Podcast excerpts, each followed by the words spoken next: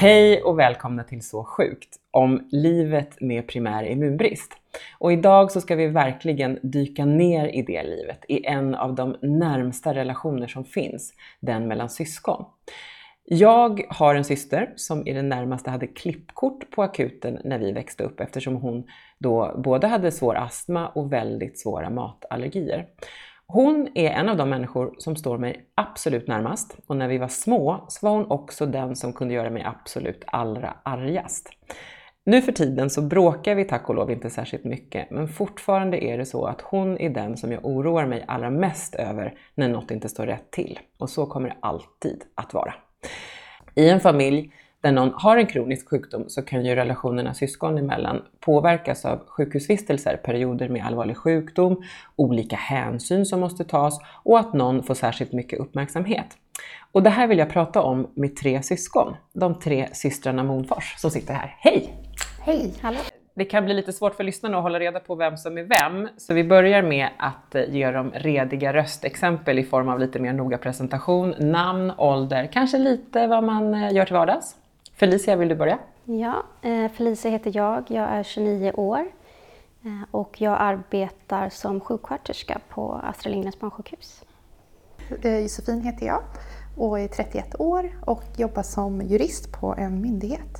Eh, då är det yngsta systern här då, Emily och eh, jag är 25 år och jag pluggar till vardags. Och dig träffade trogna poddlyssnare för tre och ett halvt år sedan ungefär i ett avsnitt där vi bland annat eh, pratade om studier och att planera för framtiden. Och då hoppades du komma in på socionomutbildningen. Hur har det gått med det? Jag bytte helt spår och valde att läsa media och kommunikation istället. Dels för att jag var intresserad av det också.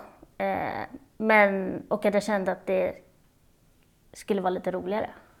Vad kul! Med. Du pratade då också om att du ibland eh, känt dig ensam med din familj, särskilt eh, när du var svårt sjuk eftersom liksom ingen annan till 100% kunnat föreställa sig hur det känns för dig. Vill du berätta mer om det? Nej men ensamheten var väl mer, vad ska man säga, att den låg djupare än så. För att familj och vänner och syskon har ju alltid varit jättestort stöd. Så det är väl mer ja, men, vissa frågor eller bara känslor som man kanske känner sig ensam i. Men stöd och så fanns det gott och, gott och väl om. När du säger att det fanns vissa känslor som du kände dig ensam i, kan du ge en exempel på det? Mm kanske bara hur det är att men, vara borta från skolan mycket. Att vänner kanske inte riktigt förstår när man förklarar vissa saker och så. Ja. Det är svårt att gräva ner hur, vilka känslor det var då, för det var så länge sedan jag var så pass sjuk. Eh. Vad känner ni när ni, när ni hör Emelie berätta? Det gör lite ont i hjärtat. Jag kan inte minnas att vi pratat om det eller att man som ung, ung person ska säga, uppmärksammar det. Jag tror inte tanken slog mig. Det var nog mer jobbigt. Det jag kan minnas är att se Emily lida eller ont när man skulle ta sprutor eller man visste att nu ska du göra någon, kanske en behandling. Man kände sig lite maktlös. Ehm, för jag var ju lite äldre än, än Felicia.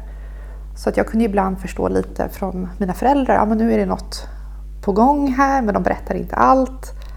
Eh, jag vet ännu inte vad som händer men jag är orolig och jag ser att Emily är orolig men vi pratar inte om det riktigt vad jag kan minnas. Eller vi pratade ju mycket om hur, ja, men hur det var att vara på sjukhuset och ja, men hur jag mådde och så men kanske inte att vi pratade djupt om det. Ja, inte just det jag tänkte om du sa att du var ensam. Nej. Jag kan inte minnas. Nej, det, det var nog bara något som jag upplevde själv och som jag inte pratade om tror jag. Men det känns ju väldigt alltså, naturligt när du säger det för det är ju jättesvårt för mig att kunna förstå det när man själv inte har varit i den situationen. Jag tror att det är mycket känslor som jag också har förträngt. För som jag sa tidigare att jag kommer inte ihåg så mycket, speciellt inte från när jag var väldigt liten. Och sen när jag var väl i... När jag kom upp mot högstadiet, det är väl därifrån jag kommer ihåg mest. Och du pratade ju inte så mycket om det. Det var väl dels för att du kanske också ville känna dig frisk och leka och göra andra saker och kanske inte tänka så mycket på det. Mm.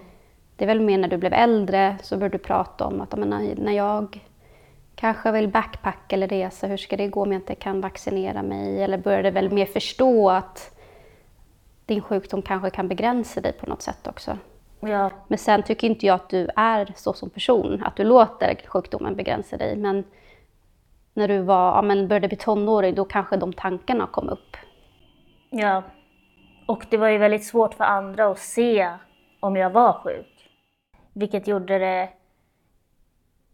att det både var skönt men också jobbigt ibland för att det var svårt att kunna förklara att nej men nu mår jag inte bra. Och för att andra att förstå det.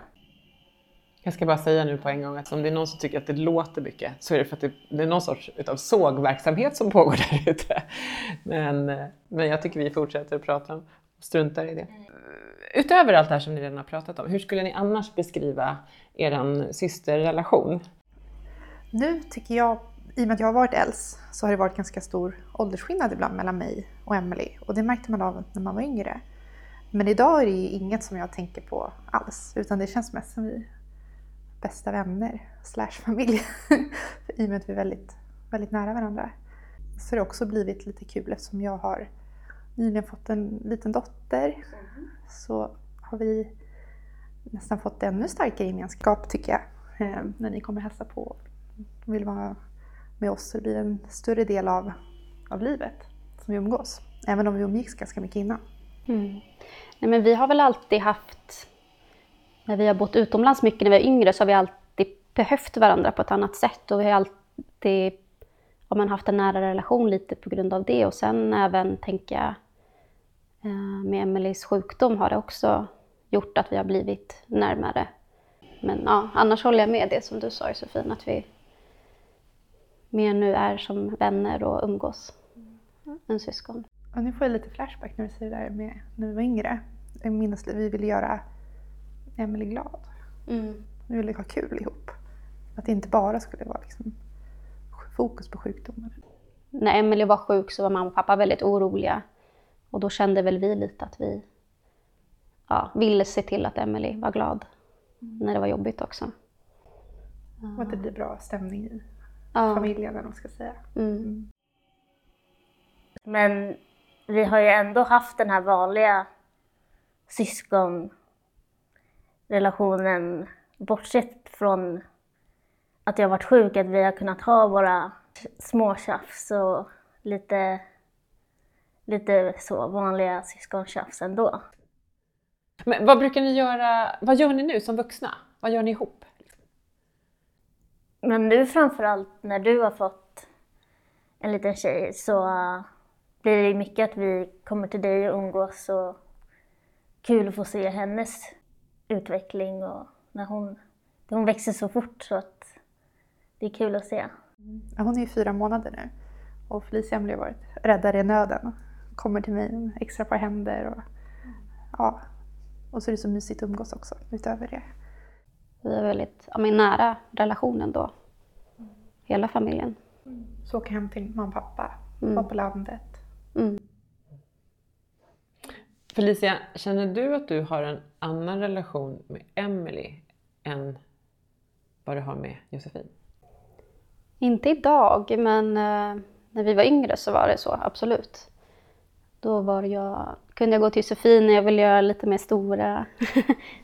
ja, vara med när hon var tonåring och göra andra saker. Och med Emily så kunde jag fortfarande leka och göra lite annat. Men vi har inte det var väl mer sen du flyttade hemifrån som jag och Emelie kanske fick en lite närmare relation.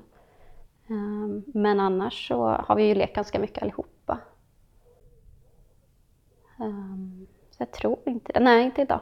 Och jag tolkar ditt svar som att då kanske det beror på mer på att faktiskt Emily är lilla syster än att hon har CVID. Mm.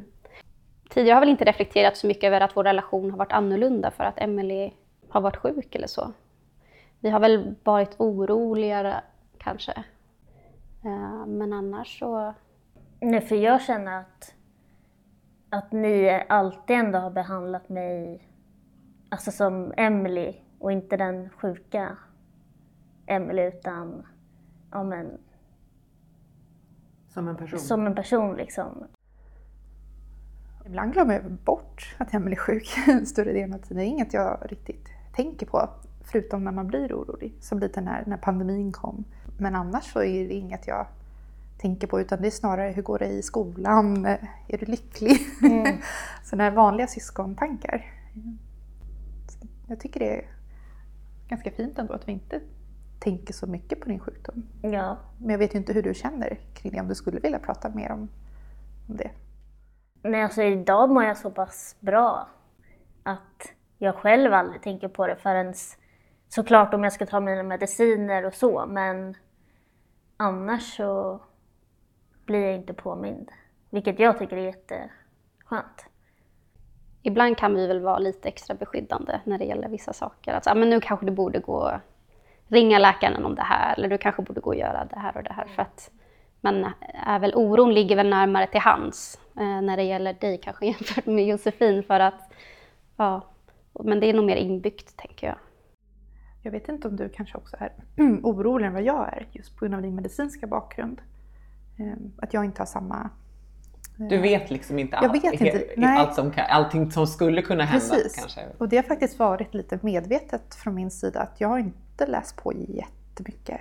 För att jag tycker faktiskt det är jobbigt att veta för mycket, för jag är lite en orolig själ. Då kommer jag att tänka för mycket på, på det. Och jag vill ju bara tänka på Emelie som Emelie, min syster. Och inte gå och oroa mig allt för mycket.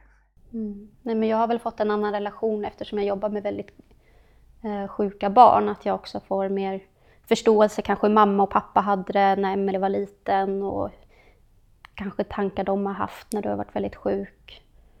Ehm, så det var väldigt jobbigt när jag började jobba där, att jag kände att det var mycket känslor som jag fick tillbaka um, och kunde ja, men kanske tänka att det måste varit väldigt jobbigt för mamma och pappa och kanske hålla fast Emelie eller tankar kring din behandling och oro och sådär. Och sen har jag även pratat lite med mamma och pappa om saker de har tyckt varit jobbiga och sådär också. Att det inte alltid är lätt. Även fast vi minns kanske de bästa stunderna och så, att vi lekte mycket, så var det ju ändå oro. Och mamma och pappa var på sjukhuset väldigt mycket med Emelie och då var ju vi, hade ju vi varandra också när inte vi kunde vara med. Det är för lätt att prata om känslor. Ibland lite jobbiga saker. Och det tror jag kommer från våra upplevelser tillsammans. Och det är väl en sak som är så fantastisk med Emelie, att hon är väldigt öppen, omtänksam och vågar ta upp saker som är jobbiga. Eh, och det ser man ju, eller jag tror att det är eh, relaterat lite till din sjukdom. Att den har gjort dig till den du är dels, men också en väldigt fin person som tänker mycket på andra och Ja, men för jag, eh, som jag sa innan att jag sa i eh, avsnittet som var med innan att jag kunde känna mig ensam när jag var liten. Det tror jag, jag pratar ju ändå, när jag tänker på idag så pratar jag väldigt öppet om hur jag mår och jag är väldigt lätt för att prata om känslor. Eh, så jag tror nog ändå att det är en del av liksom att jag har varit sjuk och, och så. Och en slags bearbetning. Att jag, eftersom att jag har varit så öppen och pratat om det, att det nästan har stärkt mig att jag har gjort det, än att jag har hållit det inom mig. Det som jag tycker är väldigt fint och intressant med dig Emelie, att när man pratar om saker så kan du komma med helt andra perspektiv. Och då kan jag bli väldigt imponerad av dig. Så trots att du har levt färre år än mig så, kan du, så känner jag att du ibland är visare. Vi har varit inne på det här, många med erfarenhet av kronisk sjukdom i familjen säger att det faktiskt kan tona ner vanligt eh, syskontjafs lite grann. Eh, känner ni igen det? Bråkar ni? Hur bråkar ni sinsemellan? Om ni bråkar? Alltså vi bråkar ju aldrig. Jag kan inte ens komma ihåg när vi bråkade sist, utan det var nog när vi bodde hemma. Ja, Har ni det? Har ni, har ni syskonbråkat? Ja, när vi bodde ihop, man visste ju om kläder försvann. då var det i min garderob den låg. Och då har inte ni varit rädda för att liksom bli arga? Det är inte så att Nej, det tror jag faktiskt inte vi har varit. Ja, men det har blivit så här små gnabb blev det ju. Men det blev inget liksom större än Nej, vi har aldrig så. bråkat, utan mer sysk- eller syskonbråk har det ju. Ja, Det är lite som när jag frågade dig, har du lånat min parfym? Och du säger nej, men jag känner liksom parfymmolnet gå Ja. förbi mig. men vi har aldrig inte talat med varandra på flera dagar eller haft nej, aldrig varit. Nej. Ja, men annars är väl mer, ja men retas. Jag har väl retat er ganska mycket. Jag har varit den eh, lilla, den jobbiga. Fast jag tror nog också att jag som yngst ändå har varit ganska retsam. Eller? Jag tyckte ni två gaddade ihop er mot mig, typ som när ni bytte bakgrundsbild på min dator till en hon, eh, vad hette hon? Samari the Ring som jag var livrädd för. Vem var det som gömde sig under, du gömde dig under min säng tror jag, drog mig i fötterna Nej, när det var jag inte sova. jag. Det måste varit Felicia.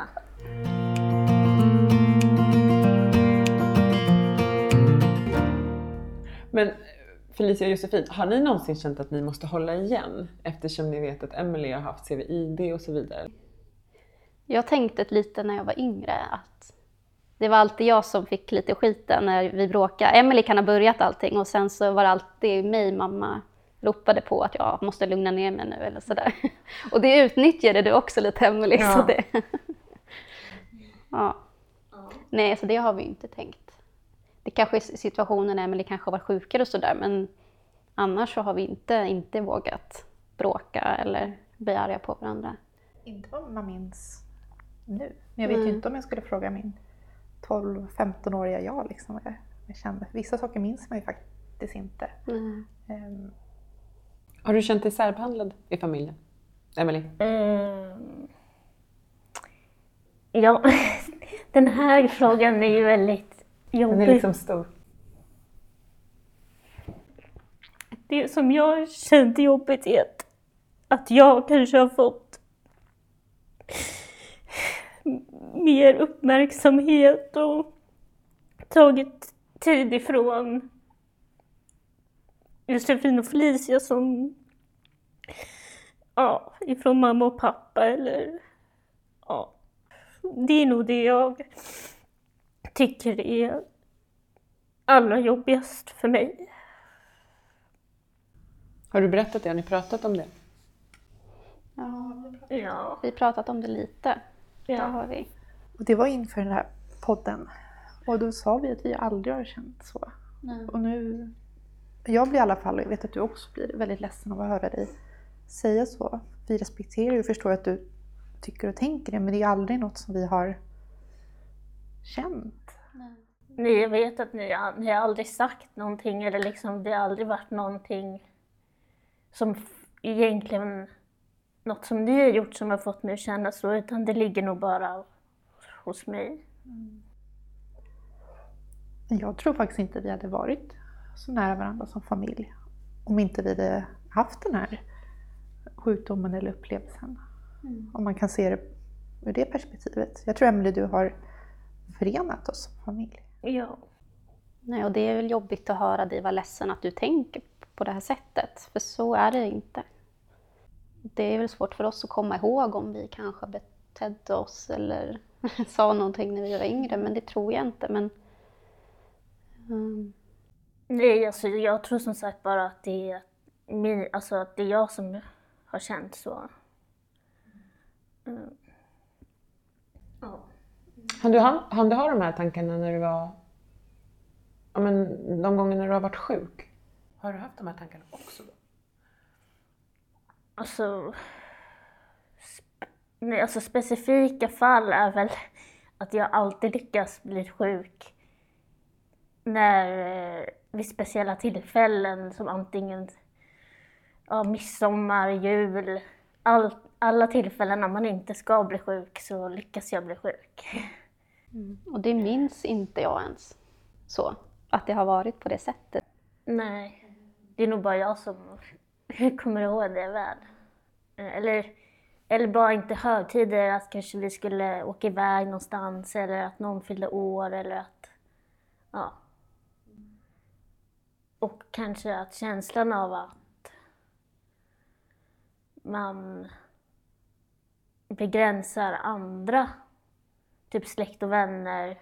Ja, folk tänker en extra gång innan vi ska ses eller att ska vi fira något så kanske de inte kan komma för att de är lite förkylda. Eller att jag känner ibland att det har varit till en nackdel att folk, att det har blivit eh, ett hinder, att folk nästan tänker för mycket på, på det.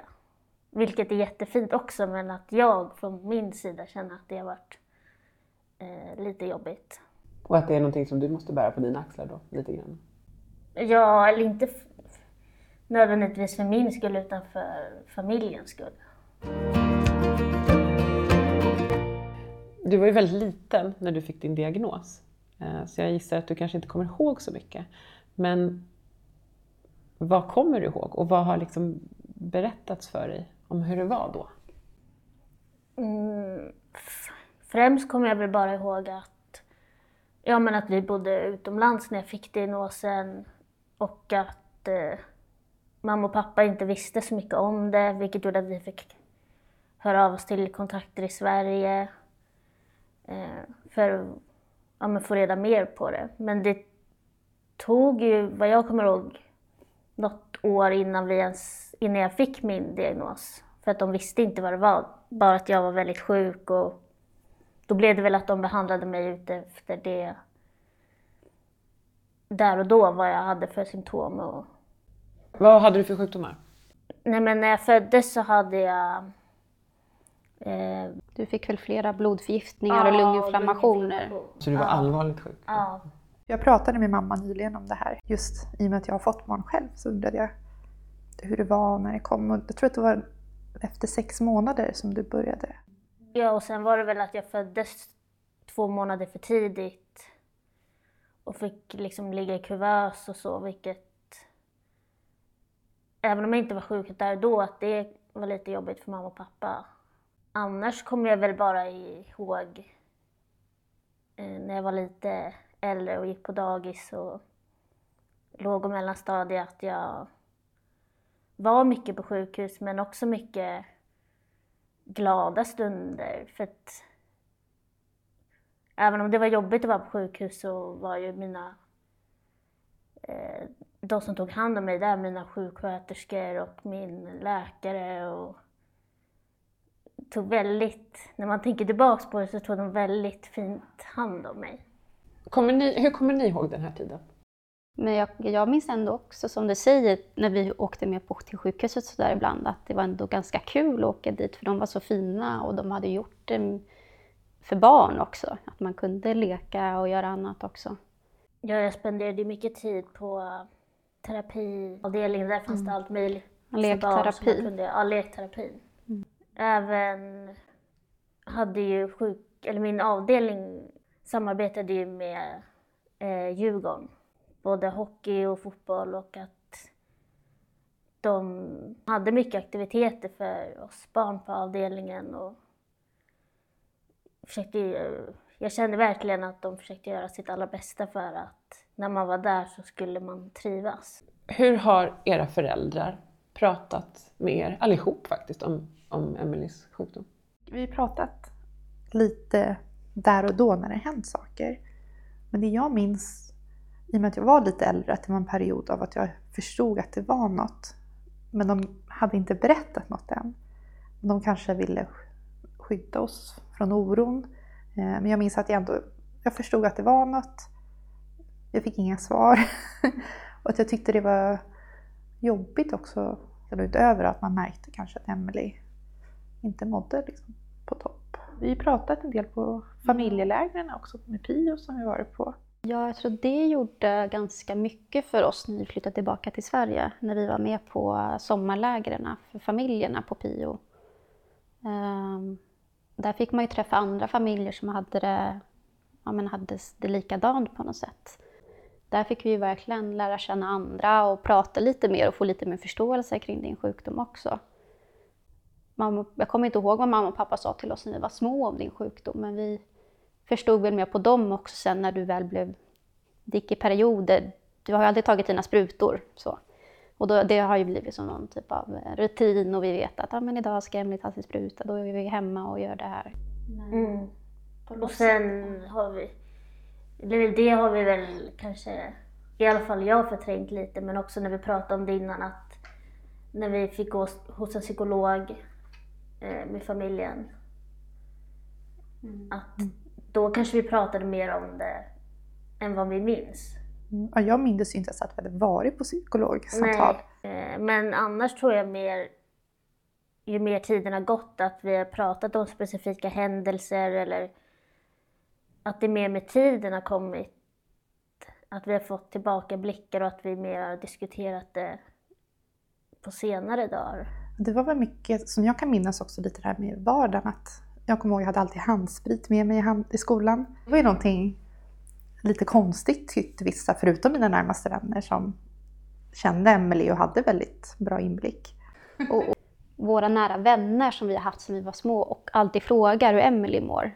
Hur hon, hur hon har det. Om, Eh, och det gör de fortfarande. Eh, Så det kanske var så att vi pratade med våra vänner också. Och, eller mer förklarade att nu kan vi kanske inte göra det här för att, ja. Så på något sätt så har vi väl fått hjälp av våra vänner också i, i det. Kanske att prata av sig mycket mer utanför hemmet. Att vi alltid vill att det ska vara roligt hemma så. Att vi kanske inte har pratat om det så mycket. Det är så svårt att veta. Ja, men jag glömmer, alltså, även om det är en så stor del av mig så glömmer jag alltså också bort att jag är sjuk. Vilket är jättefint, men det har blivit en sån stor del av vardagen och speciellt eftersom jag inte um, är lika sjuk som jag var när jag var liten så kan, är det nu, nu också en del av det. I det förra poddavsnittet där du var med, Emily, så sa du att du ser sjukdomen mer som en styrka än som en svaghet och att utan den så hade du varit en annan person eh, och kanske hade gjort andra val och så. Tänker du fortfarande så? Eh, det gör jag. För jag känner väl att, ja men dels att jag har förmågan att vara väldigt öppen som person och öppen med mina känslor. Och att jag har en väldigt bra förmåga att sätta mig in i andra situationer. Det behöver inte vara att de nödvändigtvis är sjuka, de kanske bara mår dåligt på andra sätt eller har en jobbig period eller i livet eller eh, sådär. Att man vet hur det är att må dåligt. Sen om det är på olika sätt så eh, har jag en viss förståelse. Eh, sen tror jag också att att vara sjuk har gjort att jag har fått en viss kämpaglöd i vissa sammanhang. Att jag känner att inte att jag behöver bevisa något, men att jag känner att jag vill klara av saker på egen hand. Och, Du har, alltid, du har aldrig varit rädd heller, utan du har ju ändå gjort saker. Jag kommer ihåg när du fick din son när du gick i högstadiet, att våga gå till skolan med sonden. Och du har inte låtit dig begränsas av din sjukdom, utan du har ändå gjort det du ska göra helt enkelt. ja. Vad är en sond för de som inte vet? Eh, ja, men jag hade en, en slang som satt fasttejpad på kinden och så gick den ner genom näsan, ner i svalget och ner i magen. Eh, och genom den fick jag nut- nutrition, tror jag det heter. Ja, Eh, sån näring. sån näring som gör att det var den enda liksom, näringen jag fick för jag kunde inte äta eh, vanlig mat då för att min mage kunde inte ta upp den näringen. Det var nog den jobbigaste perioden av alla perioder som jag har varit sjuk. Men dels för att jag mådde, det var så, under så lång period, flera år som det pågick, när man kanske vill vad ska man säga, se ut som alla andra, vara som alla andra. Och då, då sticka ut ganska mycket med en sond var ju väldigt jobbigt. Mm. Ja. Hade du stöd av kompisar och så? Eller hur, hur liksom, var hittar du styrkan? Att gå till Men skolan? främst familjen tror jag, men också eh, Alltså min, mina klasskompisar var ju, visste ju allt eh, om min sjukdom och om mig. Och jag kände aldrig att jag blev... Det är klart att de var försiktiga och så, men jag kände aldrig att jag blev illa eller felbehandlad på grund av min sjukdom. Eh, sen har jag ju haft ett kompisgäng sedan jag var liten och vi är även vänner idag. Eh, Mile kallar vi oss för. Från vår detektivbyrå vi skulle starta. Eh, och vi är vänner idag och de har ju fått växa upp med mig med den här sjukdomen och de har ju varit jättestort stöd för mig. Vad har ni för råd till andra syskon och föräldrar som lever med en familjemedlem som har en kronisk sjukdom?